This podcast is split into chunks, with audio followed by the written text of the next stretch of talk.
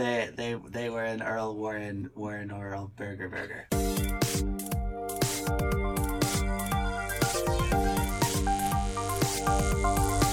Well, I'm not a crook. Welcome to Presidential Deathmatch, the only presidential debates that matter. On today's program, the William Henry Harrison of Supreme Court Justices. Our guest says she never wants to see us again. And take our quiz to find out which chase you are salmon, Ishmar, or philander. Today on Presidential Deathmatch, we hear oral arguments on which Supreme Court justice should best succeed Benjamin Harrison. We will be conducting a Gideon versus Wainwright discussion, which means that if either of us is unable to supply a proper argument for our defendant, then a better debater will be assigned to us. Judge Christine Weems joins us today on the program. All that and more. Everything that makes today unique. What's been going on in your life? It's been fun. Had a fun, very fun show on Thursday. Oh, that's right. Uh, we were both in Magical Lying Hour. One of the best in recent memory. The what I truly felt glad to have been in the one that I was in, so that I could see all the other ones. If that makes sense, because I really enjoyed them all. Yeah, I, I thought that we had a really spectacular cast. I thought you did a fantastic job as the very disgusting character of Otto. Yes, that was brutal. brought a very weird edge to him. Yeah, And then Caitlin was a good match as well for that particular character in that scene. I guess I should say that if people are listening the day that this is released, then you can watch myself and some of the cast members of Birdie, a tragedy in eight comedies, do a an audio commentary, which we'll be doing on Facebook Live at Pronoia Theater's page. And then, of course, you can also watch it after the fact or listen to it after the fact if you subscribe to Production Meeting, wherever it is you get your podcasts, presumably wherever you found this. fun. Yeah, I had a weird thought, and I don't know if this weird thought is too morose to keep in the podcast. Uh, well, I, I guess I'll start with this story. Uh, when I was a freshman in high school, is when Hurricane Katrina hit, sort of devastated uh, the area around New Orleans and western Mississippi. And from that point on, every summer I would go and help for five or six years. I would go and uh, do humanitarian aid, and this was long after you know the media stopped paying attention to Hurricane Katrina, which was uh, probably a month or two. I wasn't really paying attention to the news at that time. I was 14, but like the the pain of Hurricane Katrina lasted much longer than the attention Yeah, on Hurricane Katrina. So it's been three years since Harvey hit Houston, which Yeah. is where I live. And today I noticed that the last bit of trash had finally been picked up. Uh, because for the last three years, there have been several houses on my way to work that were gutted and just left drywall and stoves and and uh, like stuffed animals and clothing and appliances and just they had taken everything out and they had set it on the curb wow. and removed. Yeah. And that's more or less just to say that uh, whenever you hear about these natural disasters, be they Hurricane Harvey three years ago, or the fires in California and Oregon earlier this year, or the many hurricanes and tropical storms that have hit Louisiana this year, that the people there continue to experience the effects of that event long after the rest of the country or the rest of the world stops thinking about them Indeed. and that uh, you shouldn't think that a problem is gone just because you stopped hearing about it. Yeah. Dennis, we have some retractions. What uh, what you may consider an error, or what I would say is clever campaign strategy for the old hat and beer and lemonade party. And uh, despite the fact that the pop, the People's Party did have ballot access, they did put Andrew Jackson on the ballot for uh, who would win the election of 2020. You and I, as the two major parties, just decided to ignore Yes. the fact that the People's Party even existed. But uh, they did put up Andrew Jackson for the president who could best win 2020, and we should probably discuss the pros and cons of that choice on the part of the People's Yeah. Party. Uh, a good choice. A good choice for the topic at hand. A think. potentially good choice. Uh, yes, I, I think that that's definitely in the Trump mold Yes. For sure, and the economic anger that has fueled some of the Bernie Sanders types of the world. So you could see different coalitions being united by Andrew Jackson, but I also think that we have just the the same problem of being tired of that kind of That's attack. true. That's true. We'd have to really put it up to the to the test. That is for sure. But the People's Party has put up Andrew Jackson. You can still vote on which historical president would win the presidency of 2020 Andrew Jackson, William Henry Harrison, or Franklin Delano Roosevelt. That will be open for a few uh, more days.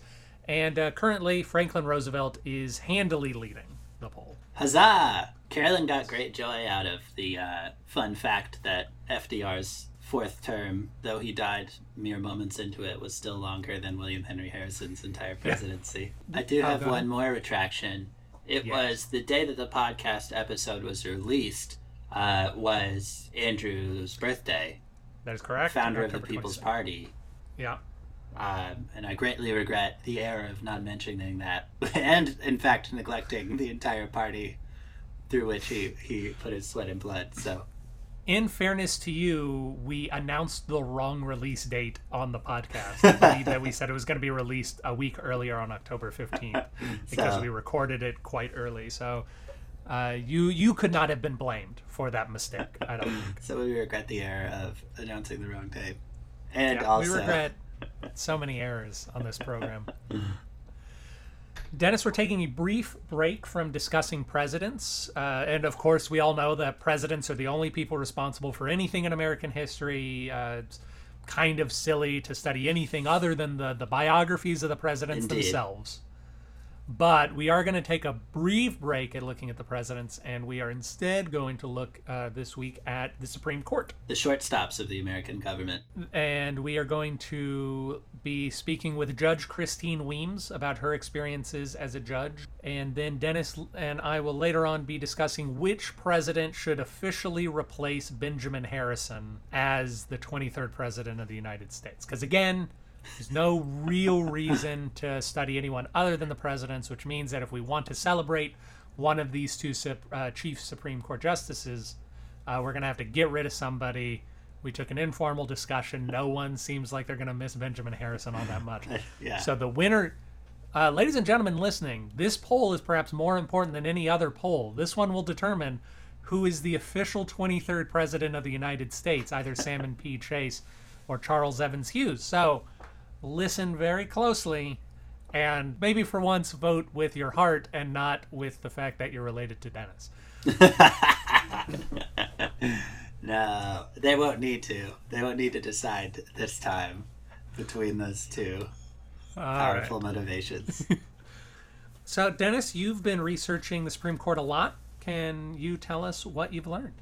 Um, sure. I learned uh, some fun things, uh, some interesting things about it. Uh, so I guess getting your bearings with the Supreme Court. One thing to note is that uh, this there's been more diversity in the Supreme Court uh, than the presidency, but not in the chief justices. The chief justices is still, I think, clean slate of just. Although it would it would really depend on uh, how you define diversity, because I know that several recent Supreme Court justices have decried the lack of non Ivy League educated justices, as well as a general penchant for people that are on the the northeast side of the United States. In fact, one of the particularly interesting things about current uh, Supreme Court Justice uh, Gorsuch is that he is the first Supreme Court justice appointed from Colorado, ah, uh, and they believe that that is part of why he sided with the Native American tribe in the recent uh, case involving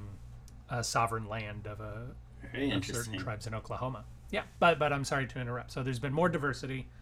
Indeed. Uh, well, there's been less than the presidency as far as the chief justices are concerned, because I think chief justices is still just straight WASP. There are there's been some Catholics, but but I think unless I missed any details, it's actually there on that one still some time. But there's only been 17. Yeah, So- uh, compared to the 44 American presidents, there have only been 17 chief justices in American history. Pretty interesting. The first one, John Jay, was the governor from New York for most of his career, which was after he was Chief Justice. So he got appointed by George Washington and then decided that he didn't think that the judicial branch could really do anything. The next guy is one of my favorite, and I almost chose him today. His name is John Rutledge, and he was the William Henry Harrison of the Chief Justices. He's from Charleston, South Carolina, and he gets uh, picked and sent to be Chief Justice, but it was during a Senate recess, and Senate has to uh, vote them in. So it was a recess appointment by George Washington. But during the brief time before the Senate came back into session, he had this really impassioned speech as Chief Justice about the Jay Treaty, which was a really important treaty that postponed further conflict with Britain. So the War of 1812 would have happened much earlier if not for the Jay Treaty, is what most people think. And it had a lot of support by George Washington and by the Senate. And so he ended up beco- becoming kind of like very negatively viewed within just weeks of becoming Chief Justice. So then when the Senate was back in session, they didn't vote to confirm him, which is the only time that's happened in history. And so he was super embarrassed. And even though he actually had the whole first year to finish out his term, he went back to Charleston and tried to kill himself by jumping into the wharf, but was Oh. saved by two slaves. Pretty nuts. Uh, Yeah. that is pretty crazy. yeah. So, so I almost chose that because it was very interesting, but I felt that uh, it'd be hard to make a convincing case beyond that one story for, for, Yeah. for the poor guy. That's fair. That's certainly fair. And then there was one other guy, um, and then there was John Marshall, and that was right when John Adams become became president. And John Marshall is the guy. Sorry, I was going to say I believe he's the longest serving Chief Justice. Yeah, thirty-five years. Are if he's the one who to who in today's question he might actually be more spoken about than Benjamin Harrison in history. Marbury versus Madison happened on his watch, which uh, kind of gave the judicial branch that, that punch in the gut that John Yeah. Jay was looking for. Exactly. Yeah, and and he was he's interestingly like also kind of the Virginia dynasty kind of category, I would say. It seems like he had a lot of similar outlooks to Madison and Monroe. Taft, of course, was he wouldn't have been too fun of a choice today because then Taft would have just been there twice. Uh, but William Howard Taft, the only person to be president and uh, chief justice, That's correct. reading a little more about, about that, uh, it was kind of part of the whole Harding conspiracies thing.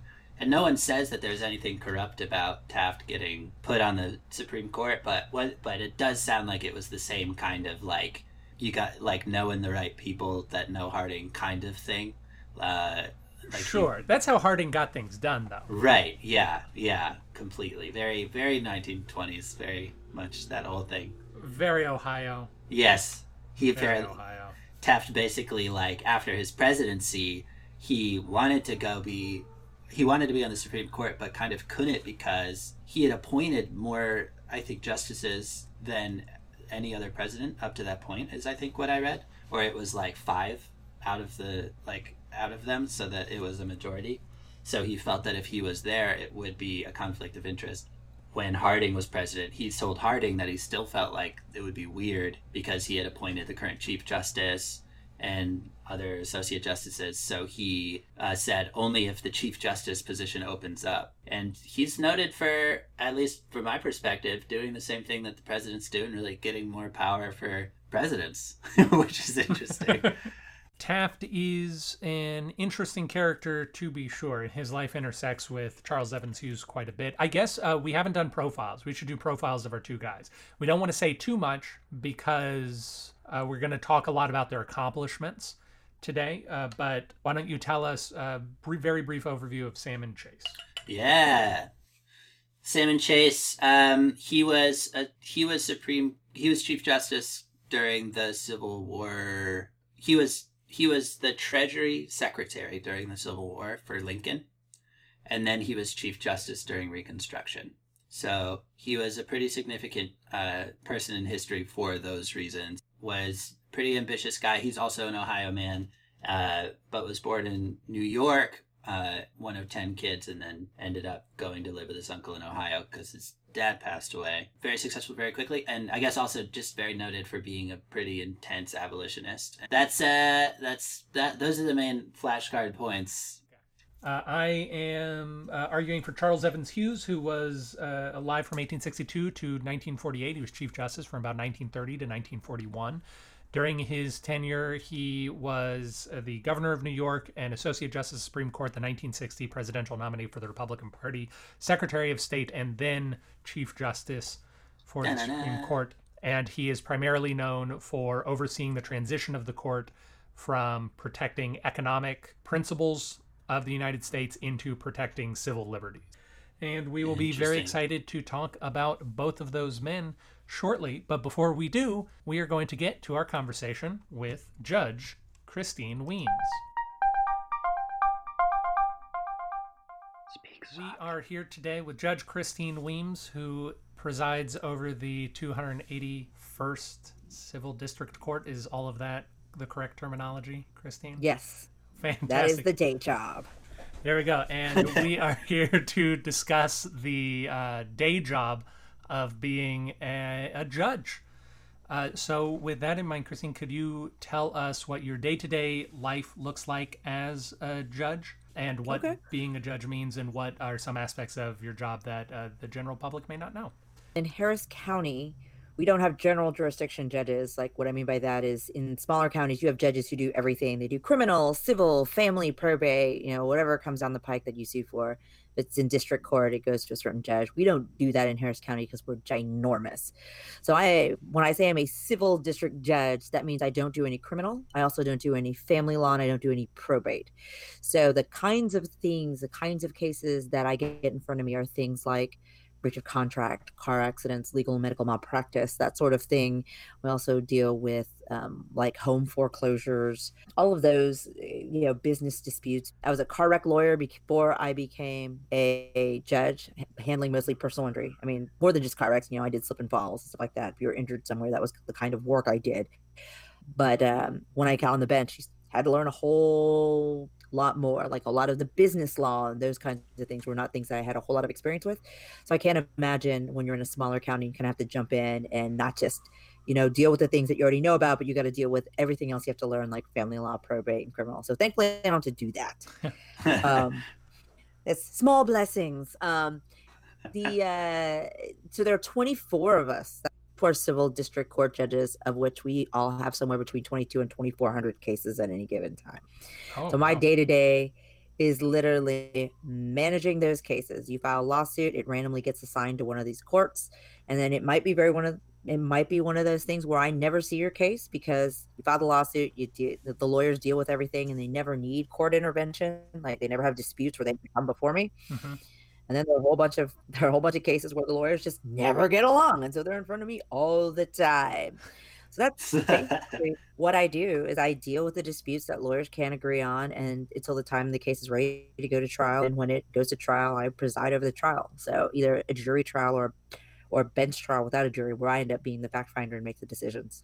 A lot of what I do. Well, fantastic. Well, let's uh, talk about. I think that uh, most people are at, at least feel like they know what a jury trial looks like, whether or not that's correct. But I don't know that uh, a lot of people know what a, a bench trial looks like. That's what. Um, if they've never been through it, I certainly haven't. Um, what does that process look like? It looks fundamentally, it looks a lot like the way a jury trial looks like what you're used to seeing on television or on movies. The difference is, is that with a bench trial, there is no jury. So they are presenting the evidence directly to me. The great thing for me is that if it's a jury trial, because the jury, they are the fact finder, that I just let them present their evidence. And if they don't present something clearly, kind of not my problem.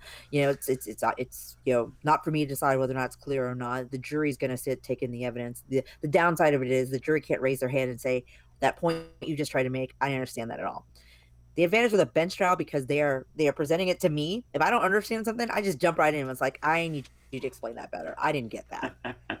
Um, Yeah. I I need you to clarify. I don't understand where you got that number from or what you mean by that. So that's kind of the advantage is that because it's a bench trial, I am the fact finder, but I'm also can I have the luxury that the jury doesn't have of jumping in and saying, "Yeah, I need you to explain that." That's not clear. So some people are apprehensive about leaving it to a judge to determine.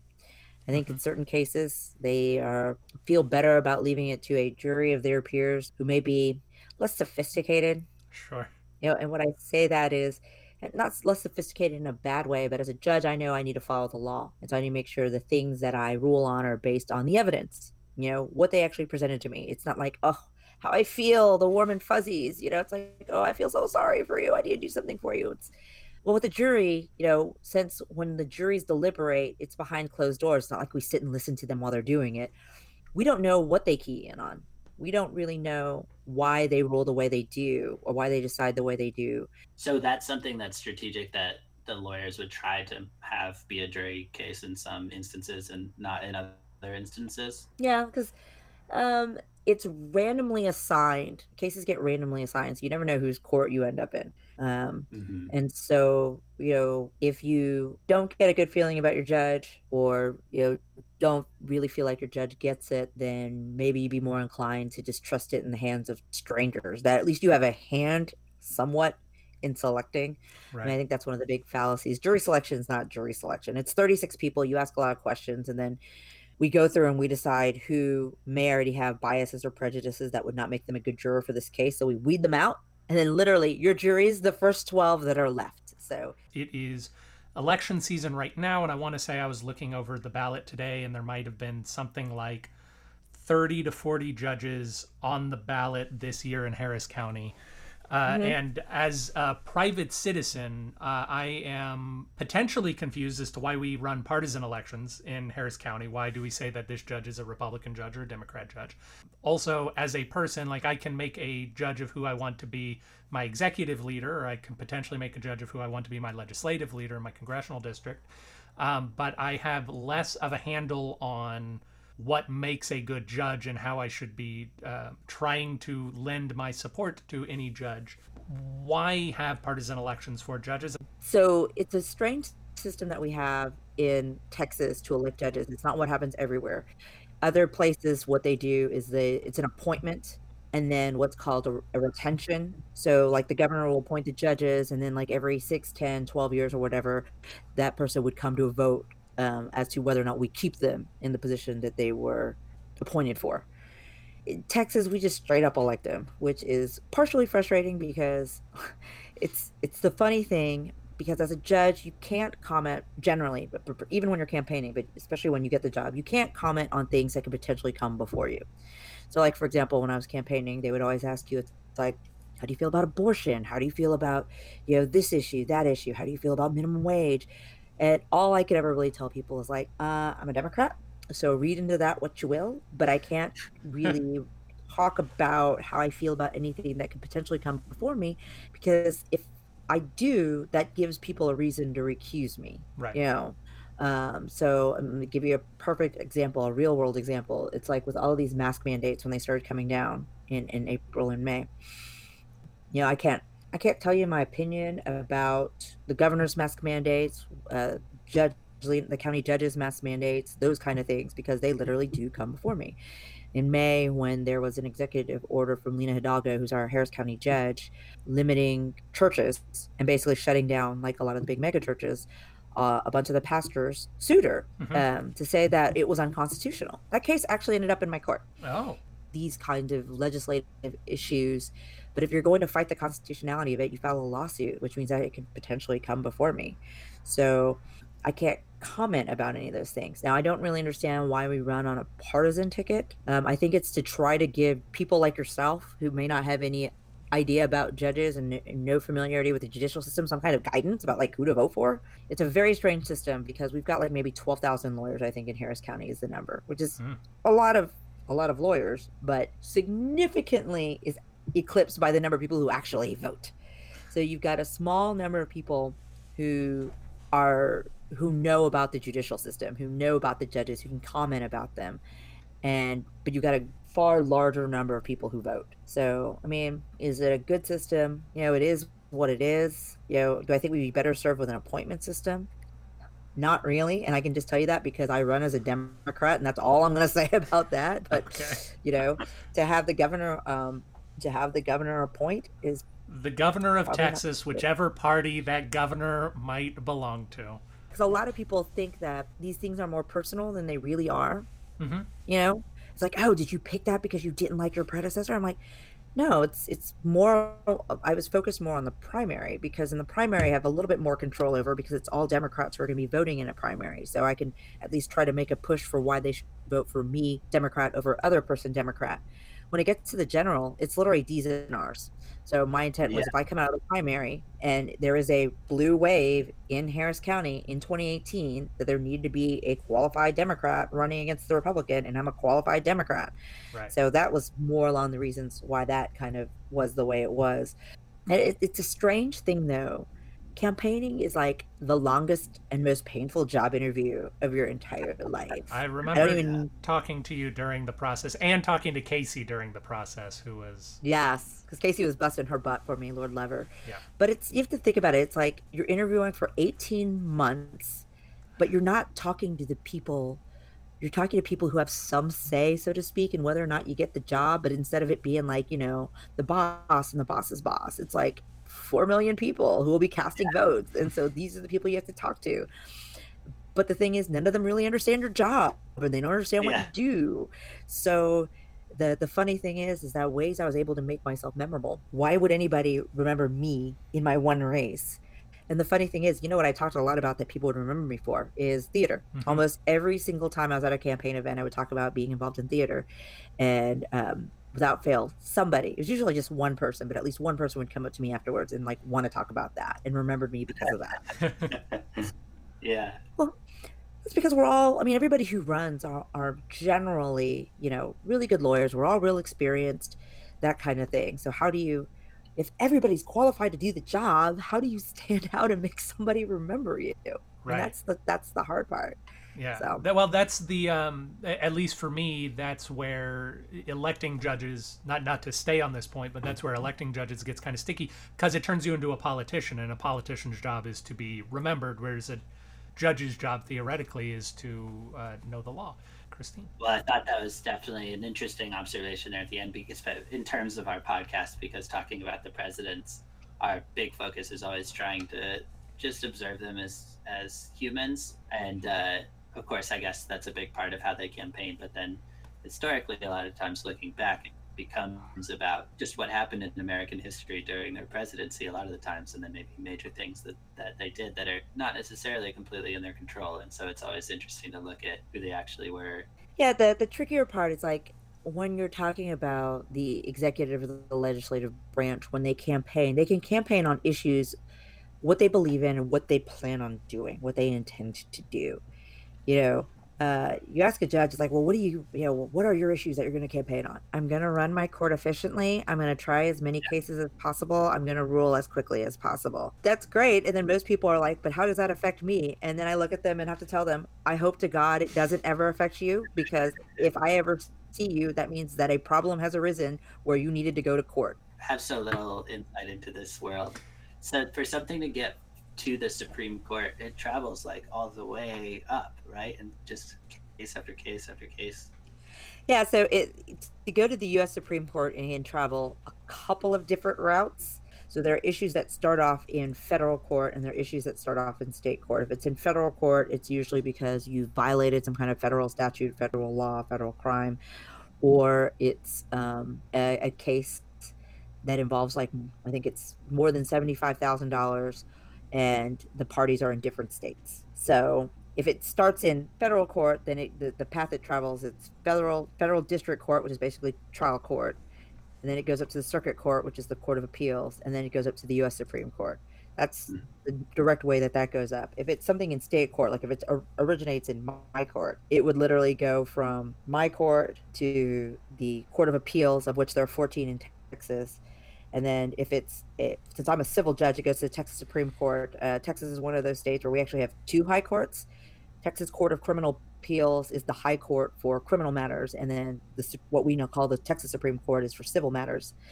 And then it could still go to the Supreme Court if the issue that is being decided is something that where there is no consistency between the states. So I think there was an issue of gerrymandering that came up uh, that went up before the Supreme Court because there were states that were handling and looking at the issue of gerrymandering different ways. And so the Supreme Court ultimately, I think this the U.S. Supreme Court ultimately decided that it was up to the state courts to just to determine whether or not legislative maps were fair or not. Um, but that's kind of how you end up in the U.S. Supreme Court. It's tricky. It's like it's it's, it's very very very tricky to actually get there. But I mean that's why the, the the big cases that you see usually go up there, like you know, like when abortion goes up, it's because the states are not consistent about abortion laws at all.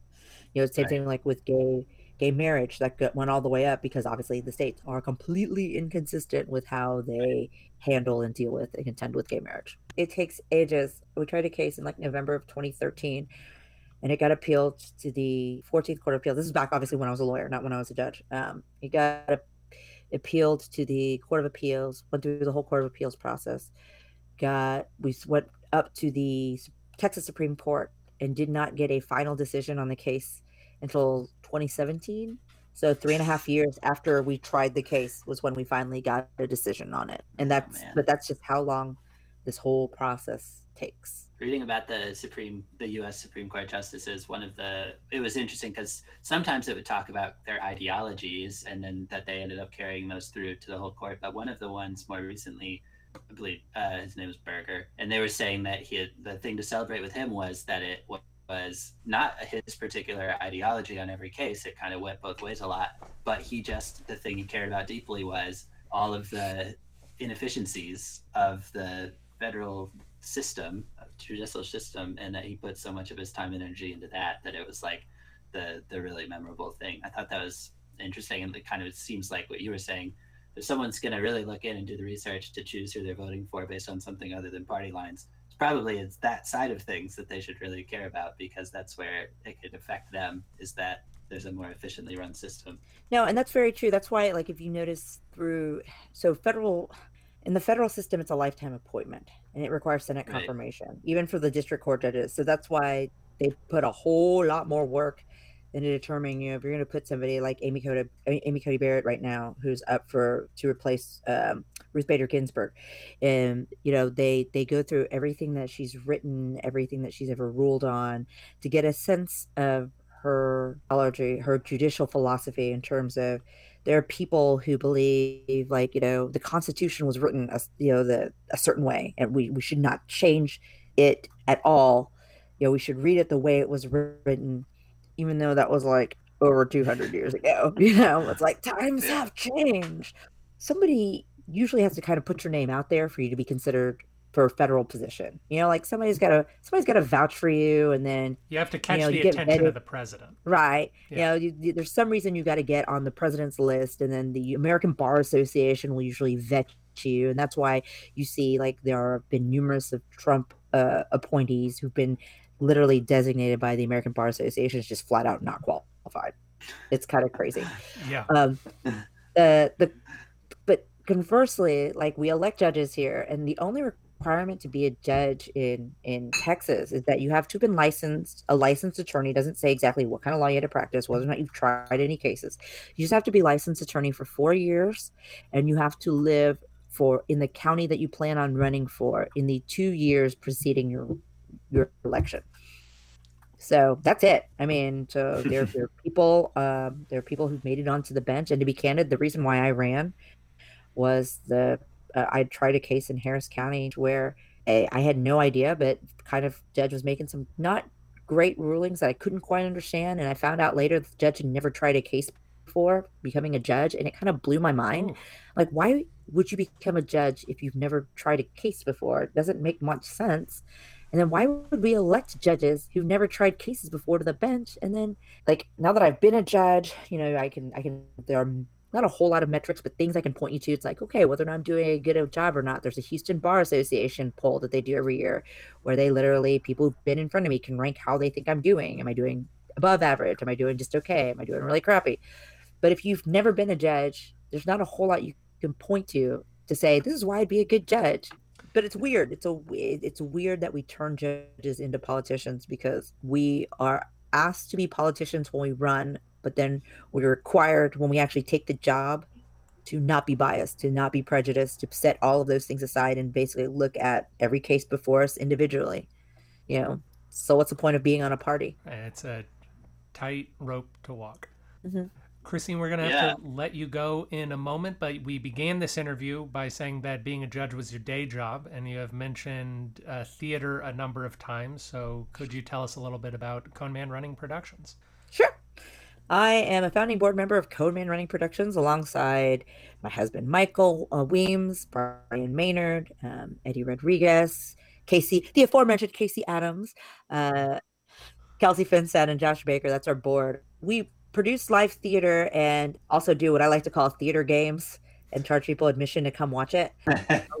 a lot of what our theater is based off of is we just half of our board are playwrights. We know so many playwrights like Mr. Aaron Garrett. So a lot of what we try to do are kind of like theatrical challenges for playwrights to to exercise their creative muscle and then we utilize our network of actors and directors to kind of put them up. Uh, we started an audio play podcast, which Aaron was actually a part of, called War of the Words. It was a bracket challenge between 16 playwrights where they just got randomly paired up against each other and they kept writing plays and we kept producing them and people voted on which one should advance until we had a winner. That's how we entertained people from May through August because live theater is just not real tenable right now. And then currently we're in the middle of Cone Man Cauldrons, which is we've been dropping Halloween themed audio plays every day in October. We would be creative. We'll find ways to keep producing theater and or in ways that are safe where we don't really worry about people at risk. We did a um, Man Capers where we did a murder mystery that was live theater, but it was live streamed into your house. But each night we did it, it was live.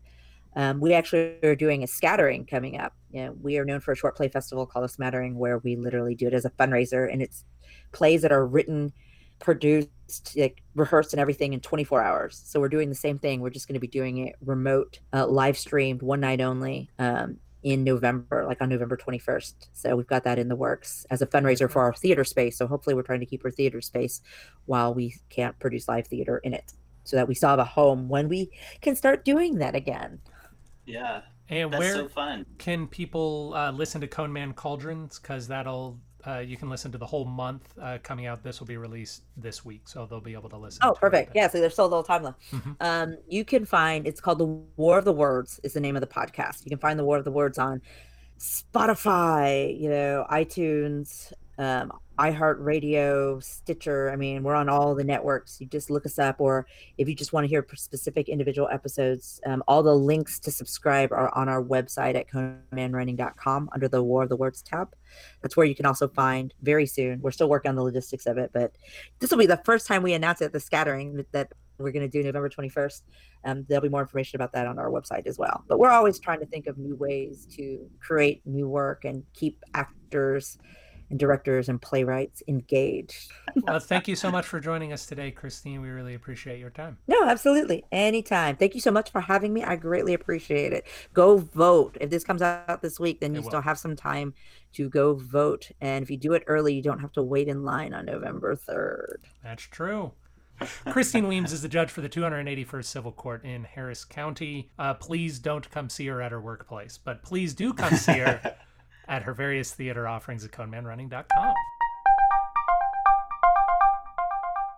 Speak softly. But now that we can start talking, it's worth mentioning that if you're listening and you live in Harris County on the day that this podcast was released, we just learned that there's going to be 24 hour polling locations. That is true. We did just learn that if you are in Harris County on the day that this is released, well, Dennis just said it.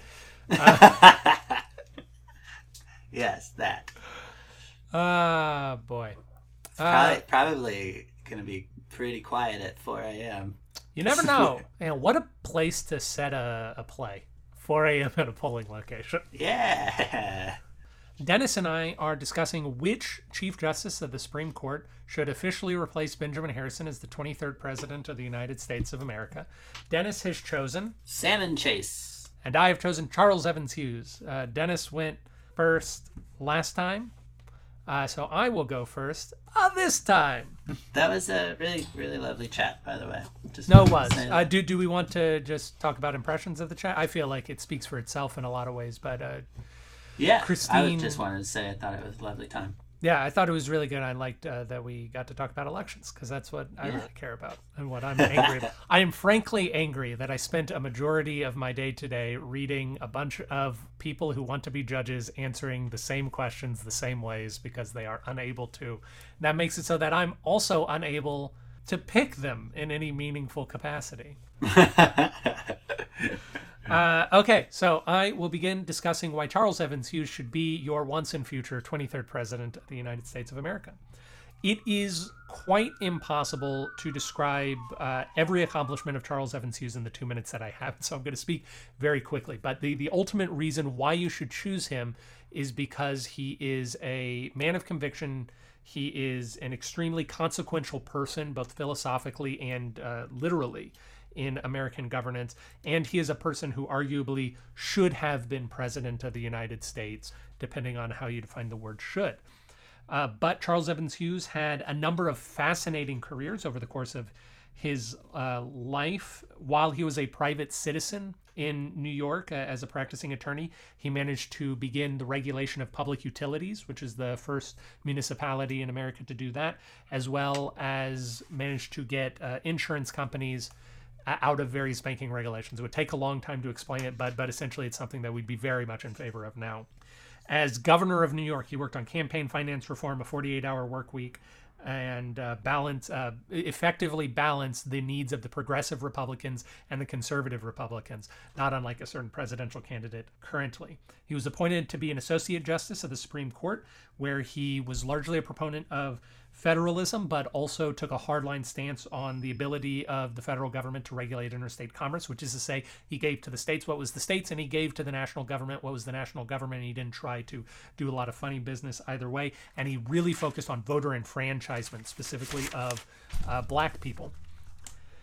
Uh, he ran for the 1916 presidential election under the Republican ticket. Uh, he would have won had he won California, which he lost by 4,000 votes. We can discuss that if Dennis asks me about it. And then, in the very little amount of time that I have left, uh, he was nominated again to the Supreme Court, this time as Chief Justice. So he was Associate Justice. He left for 15 years, came back in victory as Chief Justice and was the Chief Justice during most of FDR's New Deal, where he helped America ford the path between the progressive advancements that FDR wanted to bring, as also but made FDR follow the law.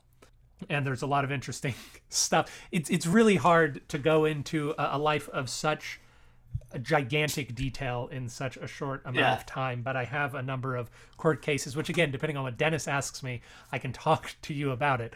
But Charles Evans Hughes uh, is a um, principled, consequential man in American history. That is why he should be your 23rd president.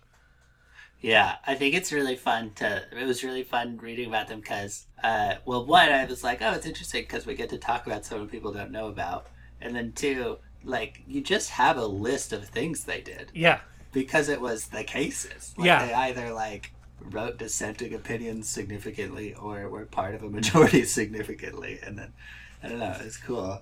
Um, I didn't even mention in that. Sorry, I didn't even mention in that discussion that he was Secretary of State, and he was Secretary of. State and did a lot of stuff as Secretary of State. I'm sorry. Go ahead. Okay, yeah. It's interesting too that a lot of the chief justices seem to have like a couple of them are like among the few to be in all three uh, branches at some point in their career. Yeah, um, I think like that's that. sort of what Christine was talking to us about in the interview about how you, to get appointed, you need to catch the eye of somebody. Right. And right. even you and I discussed uh, a week or two ago that it wasn't until the mid 1800s that the first Supreme Court justice with a law background was appointed. Where the the question of the day today is that who is the who who should replace Benjamin Harrison, Mm-hmm. um, and uh, I feel like your approach here is that really what that means is like who is someone that like history should kind of like who should in the books you know really history books really be there, um, but also like I feel that on a personal level that should be someone that we really latch on to. Uh, do you think that that's true, and do you think that Charles Evans Hughes, on in as a human being, is someone that that we want to want to pursue his stories. Oh, that's a fascinating question. I would say yes, if we get to choose who we're going to pick to, to fictionally lead us in the past, then they should be a person who is uh, fascinating uh, and virtuous, let's say. Uh, I think that's what you were getting at is, is virtue, both interest and virtue. And Charles Evans Hughes absolutely uh, was. And uh, thank you for setting me up because I have a number of great quotes from Charles Evans Hughes uh, about this. So Ev- uh, Hughes was seen as the sort of swing justice. Uh, and he was a guy who could really, he was not in an ideological block. He listened to the arguments and he followed what he thought the law was. Before he did that, though, while he was a public citizen, like I said, he he investigated insurance companies, and uh, the insurance companies were involved in a lot of banking stuff, which is sort of insider tradery. Like I said, it's, a little too complicated to go into, but basically, insurance company. Oh, actually, here's a great example. Uh, Dennis, you and I both listen to Script Notes a lot, right? Yeah. You, you remember their discussion about uh, a- agency packaging fees? They've discussed it for the last Yeah. year and a half. Essentially, insurance agencies were doing that Oh, okay. they yeah. they were doing things that put them at odds with the interest of their consumers in the interest of gaining more money and he pursued breaking that up. Now the republicans of which hughes was one hughes was a member of the republican party the republicans wanted him to stop doing this because it was making trouble. So they tried to uh, uh, uh, appoint him to be mayor of new york or tried to get him on the ticket for mayor of new york. And he said no i'm okay. I- i'm going to keep doing this. I don't need to run for mayor of new york. I'm going to keep following this. While he was governor of new york he was known for appointing both democrats and republicans whoever thought he uh, whoever thought he thought would do the best job. And then a man said this about him: "You can't make a trade with him. The fool simply does what's right, regardless of his personal interest." Uh, so he is definitely a guy who would do what he thought was right and did not suffer politics gladly, and that is why he perhaps was uh, just throughout his life. Someone say, "Hey, do you want this position?" And he'd say, "No, I, not really. I don't want the trouble of running for it." Right. But yeah, I, I would say that he definitely is a, a moral, upstanding, and interesting fellow. So, do you think that losing the presidency tied back to that uh, kind of like failure to align perfectly with a political party? It, it absolutely did. As a matter of fact, uh, that is something that historians are more or less in agreement on. So he would have won the election had he won California. He lost California by 4,000 votes, but he refused to meet with California's governor because California's governor was in the progressive wing of the Republican Party, and they didn't really get along. And I say he refused to meet. That's not really true. He just didn't meet. He, he was very busy campaigning. He just didn't meet with the governor. The governor took it as a personal slight, and so the governor did not endorse him in the final weeks of the campaign. And then he lost California by 4,000 votes of however many uh, millions of votes cast at that oh, man. point. So uh, his his refusal to play politics is, is definitely why he didn't get elected president. That's uh, 4,000. I would think that would be like one of those ones where it's too close. But it's, Oh, I don't enough. think California's. I- I'd have to look it up. But California's population was big at that time, but it wasn't that big. They only had 14 electoral votes. Oh, So, so I think that they were. Uh, California probably had a population of. I'm gonna guess 12 million. This, and that was he was running against. Woodrow Wilson. Oh, in the in his and Woodrow Wilson was the incumbent. Yes. I didn't realize that Wilson was that unpopular uh, as the un- incumbent. he wasn't supremely unpopular, but he was. There were a number of problems. Number one, we're in a two party system. So, unless you're massively popular like FDR or Reagan, you're guaranteed to almost get about 40% of the vote no matter what you do. And on top of that, uh, Wilson was keeping America out of World War One, which was a cause that animated a lot of Republicans because they thought World War One was a sham war.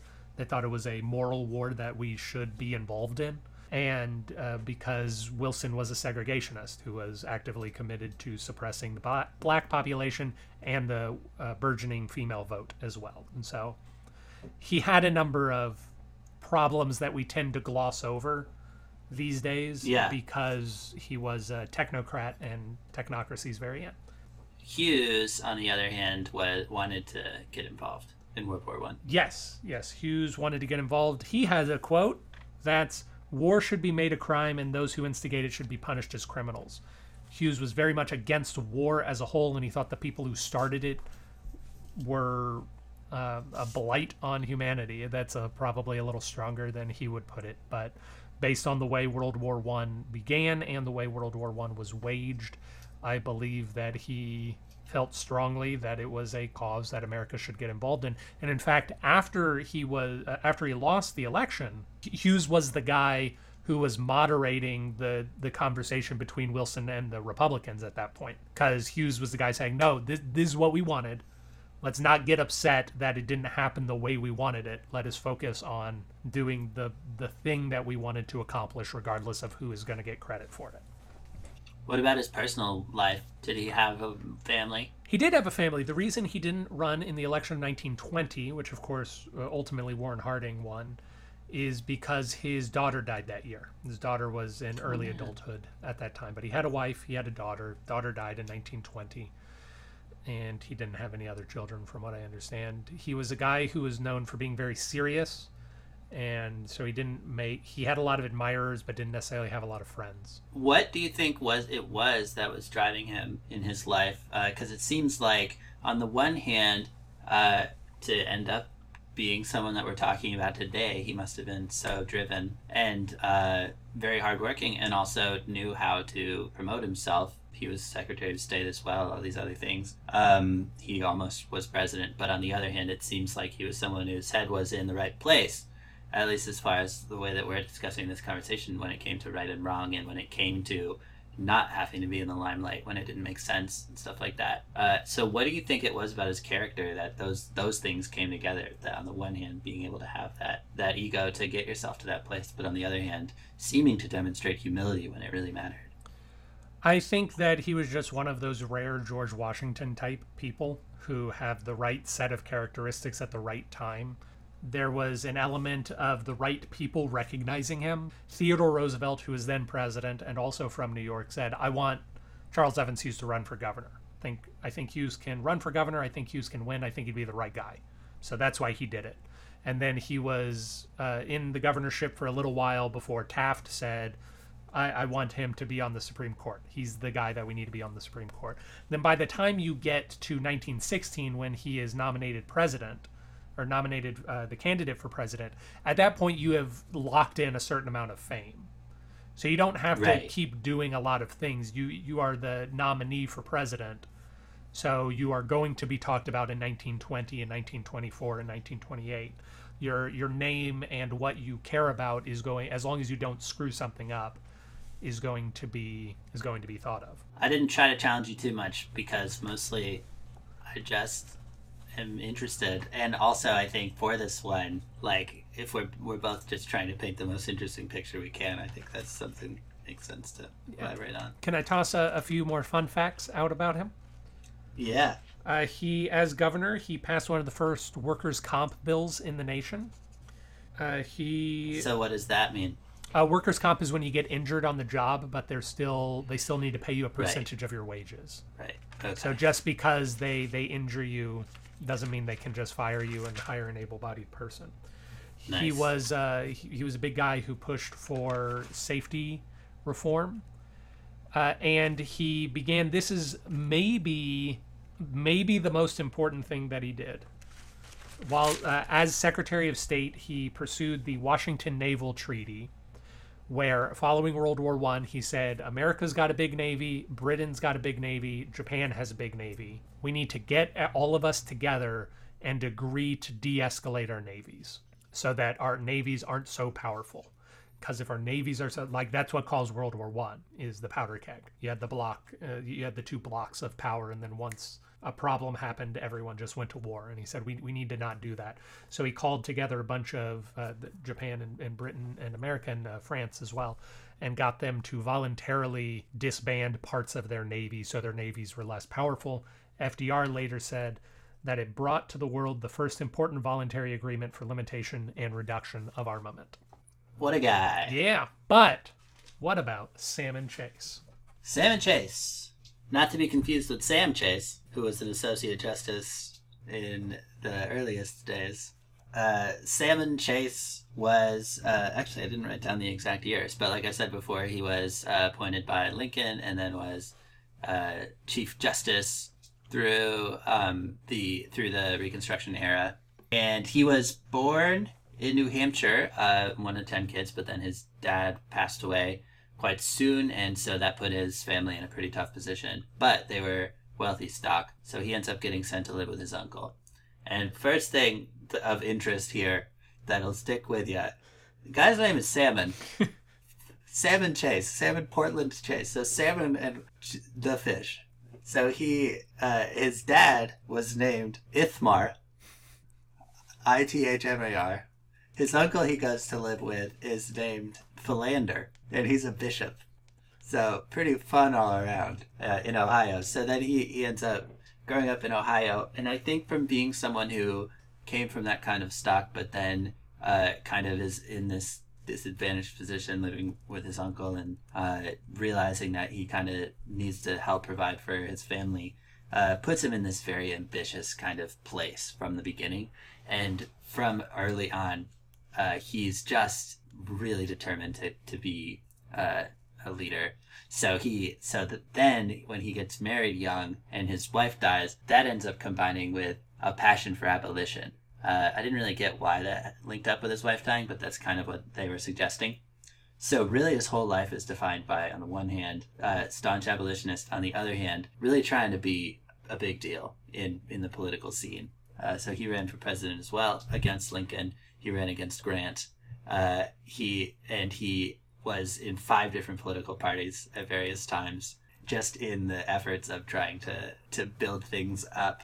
Um, but also partially because like you were saying uh, about Charles Evans Hughes, the abolition thing is what was carrying him through all the time. So the label that he was putting on it depended on how that would work. So like the Free Soil Party and the Republican Party were both things that he had a role in creating, and then as their definitions started to become distant from what he cared about, he moved on. I already spoke too long, but I, I like kind of like what happened with you. I forgot to even talk about it being Secretary of the Treasury during the Civil War, which was like the most important thing because he uh, th- I don't understand the economic stuff very well, but federal bank happened, Civil War, everything got restarted. Paper currency was like new, I guess, because at a federal level. I don't know. So he so he was on the one dollar bill for a while because he was the guy who made it.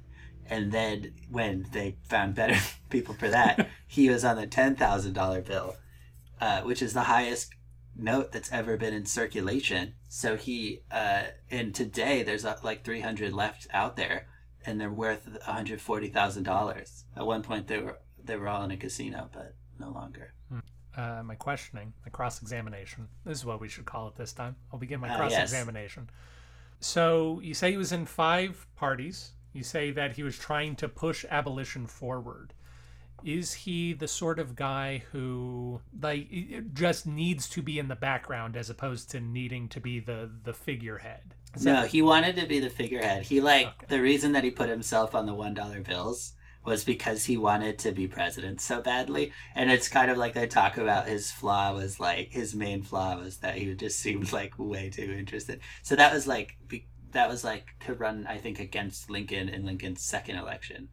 Another thing that he would do all the time was was threaten resignation with Lincoln uh, as the Treasury Secretary. And so then, as the war was coming to a close, Lincoln actually accepted one time. And he was like shocked. He was like, oh no. But then, shortly thereafter, Lincoln said, appointed to be "JK." Chief Justice. got you for Chief Justice, buddy. Yeah, exactly. Yeah. Um, yeah. And then, even as Chief Justice, he ran again for president against Grant. he was really uh, into it. Wanted wanted to do that. And he ran Van Buren on the Free Soil Party. That was all him. Yeah, because I, I Uh, he- read that he drafted the Free Soil uh, platform, and I believe I think you and I might be of a mind that the Free Soil Party might be the best third party in American history. I, it seems like it. I mean, we're both we're both like Van Buren during that phase, and uh, and uh, yeah, it's cool that he drafted it. And he actually was elected on the Free Soil Party ticket as a senator in Ohio, I think. So that's like one of the few times that it actually got like someone elected. Nice. Well, in that case, so let's assume uh, a crazy world where the 13th Amendment is ratified and slavery no longer exists in America. What does Salmon Chase do with the rest of his presidency? What were his other goals or his other ideas? Or what were some major court cases that came to him uh, during his tenure? the next step is the, equality part, you know, that we're still figuring out. So, being Chief Justice during Reconstruction, I think he helped to balance a lot of the mess that was happening uh, with that. Yeah, and also because of his, like, a lot of it ended up, I think, also because of his Treasury background and everything being related to how does Reconstruction work economically, um, and you know the way that all of that happened. Um, but he did also preside over the impeachment trial of Andrew Johnson. Kind of cool, yeah. And he also probably was one of two judges, I think, or was one of two judges at um, Jefferson Davis's uh, trial, which is known because he the basically like the case that they put forward was that if the secession was successful, then uh, he couldn't really be tried because he wasn't a citizen at the time. And if the secession wasn't successful, then he didn't actually do anything. So he, how could he be guilty of anything? Which is like the most insane thing. But it was something that I was actually a little confused about this learning about Salmon Chase because he, I guess, put together that that's what was going on there logically and kind of like helped to work that out but at the on the other hand like he was like i think he just didn't i think that he also just wanted to because everyone got like uh pardoned and i think that it was partially because it wasn't just because everyone was sympathizing i think also like it, my sense is that he was maybe just a bit of a pacifist um, but i don't know for sure Well, are there any other tidbits or achievements of Salmon Chase's life that you want under consideration? Um, but to, to speak more to what you were saying about the whole abolition thing and stuff, um, yeah, like the voting rights and for black men and then things related to that did also become like a big focus for him. Um, and it was stuff that he stood for very much and cared about, I think. Um, and yeah, he has a, this quote Congress was right in not limiting by its Reconstruction Acts the right of suffrage to whites, but wrong in the exclusion from suffrage of certain classes of citizens, and all unable to take its prescribed retrospective oath. So, yeah. I think that we can both agree that either of these men would be a better fit for the position of 23rd President of the United States and the filling in a Cleveland sandwich than Benjamin Harrison himself. You, our dear listener, can vote on whether Charles Evans Hughes or Salmon P. Chase should be anointed to this most sacred position, and we promise that we will refer to that person on this program as the 23rd President of the United States, and I might start a petition for fun. Speaking of Cleveland sandwiches, one of the other fun facts that I realized when I was learning about the Supreme Court is that the Chief Justice, who is named Earl Warren, Mhm. was succeeded by a Chief Justice named Warren Burger, Mhm. but his middle name was Earl. Oh, So together, they they they were an Earl Warren Warren Earl Burger Burger. and that's just some of the fun that you can get when you meticulously research the Supreme Court of the United States of America. Yes. Dennis, next week we are going to be discussing which president would be the best children's playwright, and we will have an interview with playwright Finegan Kruckemeyer to explore that idea. Fun stuff. Indeed. I'm very excited. It was a lovely conversation. Uh, until then, please enjoy all our various Pronoia productions. Next week, you can see a new episode of Space Train. Leah Zelensky, Drama Team Queen. Should be very fun. And uh, if you enjoy listening to podcasts, please consider listening to Pronoia Presents, which releases monthly and features uh, sort of all of the various things that Dennis and I have done over the last 10 years of working together uh, or listen to Production Meeting, which is about producing independent theater, if you like producing independent theater. Until then, have a nice life. Bye. Bye. Thank you for listening to Presidential Deathmatch. Presidential Deathmatch is a production of Pronoia Theater. You can find more out about us at pronoiatheater.com. This program was edited by Aaron Garrett with music by Dennis Buddy and hosted by those same two lovable goofballs. You can always email us at contact at pronoiatheater.com. If you enjoyed the program, we ask that you rate and review wherever it is you found us. It really helps us out. And if you didn't like the program, why don't you stick around? We really grow on you.